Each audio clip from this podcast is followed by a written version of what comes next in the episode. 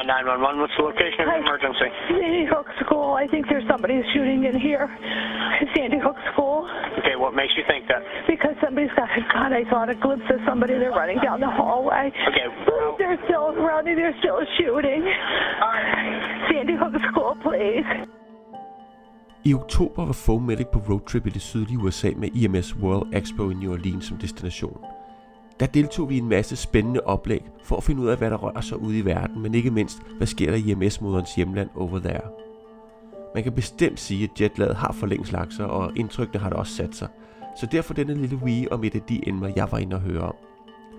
Som du nok har lagt mærke til, er det ikke Karl og Morten Silkeblød stemmer denne her gang, men en lidt mere nasal stemme. Jeg hedder Peter Bæk. Velkommen til Fomedic Podcast. Some 400 children, kindergartners to fourth graders, went to Sandy Hook Elementary School today to learn and play. 20 would die. Oplægget, jeg deltog i, handlede om skadesmønster og forbyggelig død efter skudsår. Et oplæg om undersøgelse fra det civile setting, og ikke for de skader, man ellers har set for krigens redsler. Et oplæg, jeg fandt interessant, da jeg er involveret i TCC Danmark.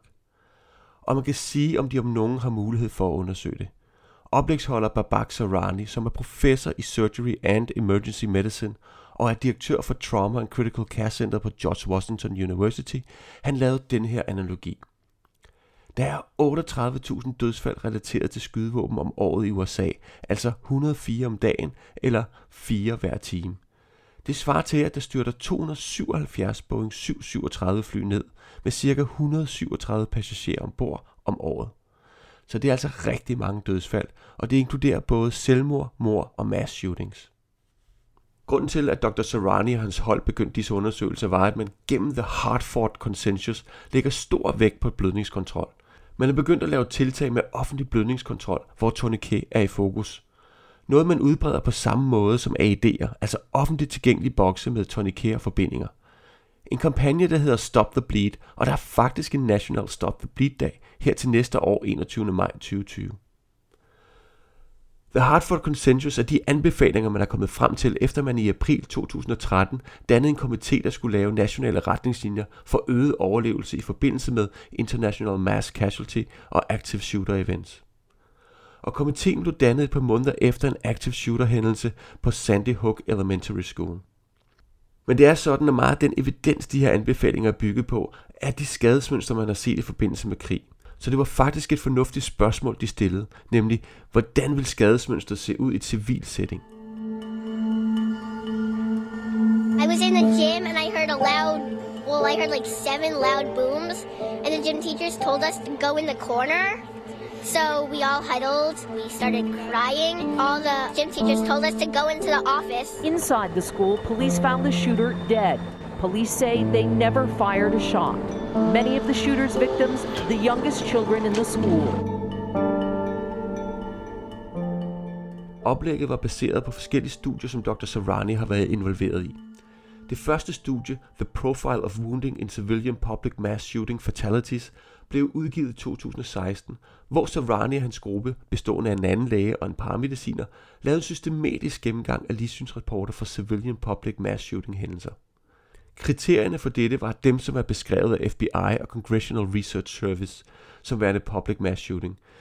Det er hændelser, der sker i relativt offentlige områder med fire eller flere dødsfald, eksklusiv gerningsmanden, gerningsmænd, der vælger deres offer diskriminationsfrit, og at volden i disse hændelser ikke er et middel til at nå et mål, som f.eks. ved røveri. De fandt 56 hændelser fra år 2000 til 2013, som passede den beskrivelse, og hvor der var en identificerbar ligesynsmand, som de kunne kontakte. De hændelser, der ikke kunne leve op til det, de blev ekskluderet fra studiet, hvilket er grunden til, at man kun har hændelser fra år 2000 og frem.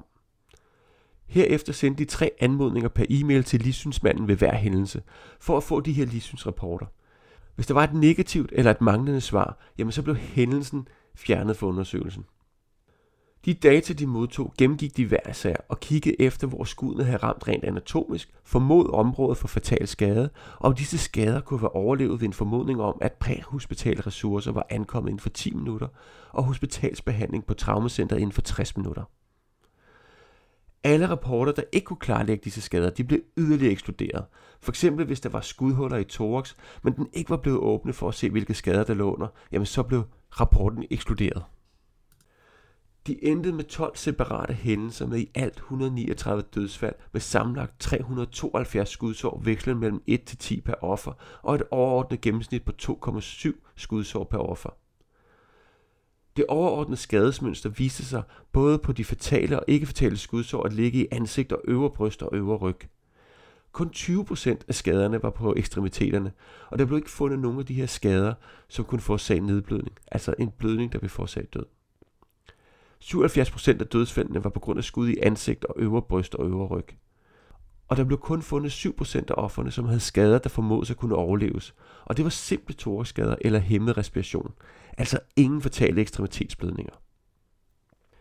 Så skadesmønster så altså ud til at afvige fra det, man ellers er kendt for krig, hvor op til 60% af dødsfaldene er for nedblødninger og ekstremitetsskader, og 33% for trykpneumothorax. Studierne har sine svagheder, da de kun afdækker omkring 20% af hændelserne og inkluderer ikke de overlevende, men det gav dem blod på tanden til at undersøge det nærmere. Så der blev bragt flere folk på banen, og i april 2019 udkom der et nyt retroperspektivt studie kaldet Incidents and Causes of Potentially Preventable Death After Civilian Public Mass Shooting in the US. Her var fremgangsmåden stort set den samme, men som sagt var panelet større og inkluderede nu også en retsmediciner. Ud af de 61 hændelser, de fandt frem til, blev 38 af dem ekskluderet, fordi man ikke kunne få fat i ligesynsrapporterne. og yderligere fire blev ekskluderet på grund af ufuldstændige ligesynsrapporter. Så det endte med 19 hændelser, som sammenlagt inkluderede 213 offer, hvor der gennemsnitligt var 4,1 skudsår per offer mod de 2,7 for sidste studie. Igen var størstedelen af skuddene i ansigt og torso, og over halvdelen af dødsfaldene var grundet skader på hjernen. Kun 15% havde skader, som man formodet kunne overleves, og her var det kun en lille del mod en vaskulær konstruktion i en ekstremitet. Ud af de sammenlagte 286 skudsår mod ekstremiteterne, var det faktisk kun syv, der skyndte sig at være fatale, hvor et tourniquet kunne have gjort en forskel. De mest almindelige skader, som skyndes at kunne overleves, hvis præhospitale ressourcer var fremme inden for 10 minutter og traumacenter inden for 60 minutter, var skader mod lunger. Så igen så det ud som om, at skadesmønstret afviger kraftigt mod det, man har set for krigen, og det man initialt har baseret vejledningerne på. Law enforcement officials say those guns that were used in today's shooting were all registered to Adam Lanz's mother and had been legally purchased. Officials say he carried four guns to the scene in all, using at least two of them and leaving the other two, they believe, in the car. Dr. Sarani kom også ind på, hvilken typer våben, der var mest dødelige i public mass shooting events. Det har ud fra deres undersøgelser vist, at det faktisk var mindre håndvåben som pistoler, der var mest dødbringende. Sammenligningen mellem pistoler og rifler viste, at der var multiple skudsår i 60% af tilfældene med pistoler i modsætning til 16% ved rifler. 26% med mere end én fatal organskade i pistolkategorien mod 2% ved rifler. Og der var kun 4% af offerne, der skyndte sig at have skader, der formodes at kunne overleves ved præhospital ressource inden for 10 minutter og traumacenter inden for 60 minutter, mod 23% for riflerne. Selv shotgun-skader lå i samme niveau som rifler. Dr. Sarani sammenlignede også skadesmønstret og fertiliteten i civilian public mass shooting events med de skader og den fertilitet, der ses i bymæssige skudepisoder, og de så faktisk ens ud. Til sidst snakkede han om, hvilke skader de overlevende ofre havde.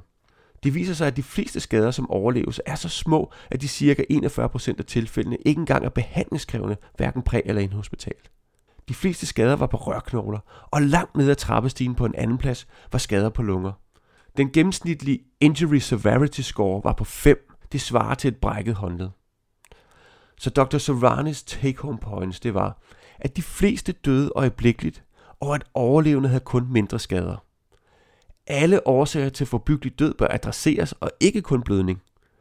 Hurtige evakueringer til skadekommende kan muligvis være en bedre strategi og bør undersøges nærmere, og der er kun en lille forskel imellem skaderne ved civilian public mass shooting og bymæssige drab. I uh, heard what sounded like a popping sound. Then some noises coming over the loudspeaker. Sounded uh, like weeping noises. Um, and really wasn't sure what was going on at that. And then realized that we were in some sort of a situation. So I uh, gathered my my class over to um, my coat closet area, which is what we practice in our, our lockdown. and had them sit on the floor, I immediately locked the classroom door. As I was doing this, I was reassuring them, it's okay, everything's fine, we'll be okay. They were able to hold it together. They were, they were amazing. They were quiet when I needed them to be, and they held each other. And, um, they were perfect. Puha, det var en ordentlig omgang og en masse tal. Men hvad skal vi så bruge det til i vores lille kongerige, og skal Tony Kess smide sin nærmeste skraldespand? Jeg mener helt klart, at vi kan bruge Dr. Saranis studier til at forberede vores mindset på, hvad vi kan forvente, hvis vi kommer ud til nogen, der er blevet skudt, om det er mass shooting eller ej. Et mindset, der beror på, at de skader, der sker, kræver hurtige, men simple interventioner. At det er vigtigt, at man så hurtigt som muligt kommer ind til patienterne, og ikke venter til der er et helt sikkert område. Altså få lavet hurtig støttende behandling, og få dem evakueret til et sikkert område, og derfra transporteret til definitiv behandling. Det vil sige træning i, hvordan man bevæger sig i et område, som er et grænseland mellem det farlige område og det sikre område, også kaldet gul zone, ifølge retningslinjer for indsatsledelse. Så jeg synes bestemt, at det er værd at have med sådan en overvejelse i forhold til det setup, man tænker at lave, i forhold til hvem og hvordan man skal takle de her mass shooting events. Hvilke kompetencer er der reelt brug for til disse hændelser, og hvordan skal vi forberede og uddanne personale til håndtering af dem? Men vi skal også huske på, at der ikke tager højde for andet eller for andre hændelser, kun mass shooting. Derfor skal endelige beslutninger med sådan et setup bestemt bero på en risikovurdering, og andre hændelser bør undersøges for at give det bedste setup med rette ressourcer til rette patient. Men flest muligt bør uddannes i håndteringen af det, vi ved, der kan ske. Det er også værd at gøre sig tanker om, hvilke scenarier man kommer til. Er det en hændelse, der er sket, eller er det standby, hvor vi måske er fremme ved en skudt person kort tid efter, at ildkampen er færdig? En kraftig ekstremitetsblødning kan ende livet på en person inden for få minutter, så hvis vi ikke er standby, kan vi nok ikke forvente at redde de her patienter, da de højst sandsynligt vil være nedblødt, inden vi ankommer. Så skal vi til at lære befolkningen om blødningskontrol og have en tilgang som i Amerika? Måske ikke, men hvem ved? Og nej, jeg mener bestemt ikke, at tourniquet skal smides i skraldespanden. Det er et hurtigt og intuitivt redskab til at stanse de få ekstremitetsblødninger, der kan være ved skud. For slet ikke at snakke om, at de her studier jo som sagt kun er baseret på hændelser med skud. Hvordan er det med ekstremitetsblødninger ved kniv- og macheteoverfald, som man har set i Europa? Hvad sker der, når gerningsmanden kører en bil eller en lastbil igennem en befolkning? Og hvad med eksplosioner? Vi kunne i Danmark have været udsat for et bombeangreb i 2010, men det mislykkes heldigvis. Og ved bomberne ved Boston Marathon var der stor effekt improviseret tourniquet ved blødninger af nedblødende karakter efter afredende ekstremiteter. Så behold endelig tourniquet i dit bælte eller i din oppakning. Læg eventuelt nogle dekompressionsnåle ned ved siden af, da det højst sandsynligt er dem, der vil redde livet på patienten. Men hvad er dine tanker? Brug endelig kommentarsporet på bloggen, så holdes debatten i live, og vi bliver bedre sammen. Og vi vil gerne høre dit input. Og der vil selvfølgelig også være links til de studier, som hele oplægget her har været bygget på. Altså det oplæg, jeg var inde og høre fra Dr. Sarani. Det var Fomedic Podcast for denne gang. Jeg hedder Peter Bæk. Vi høres ved.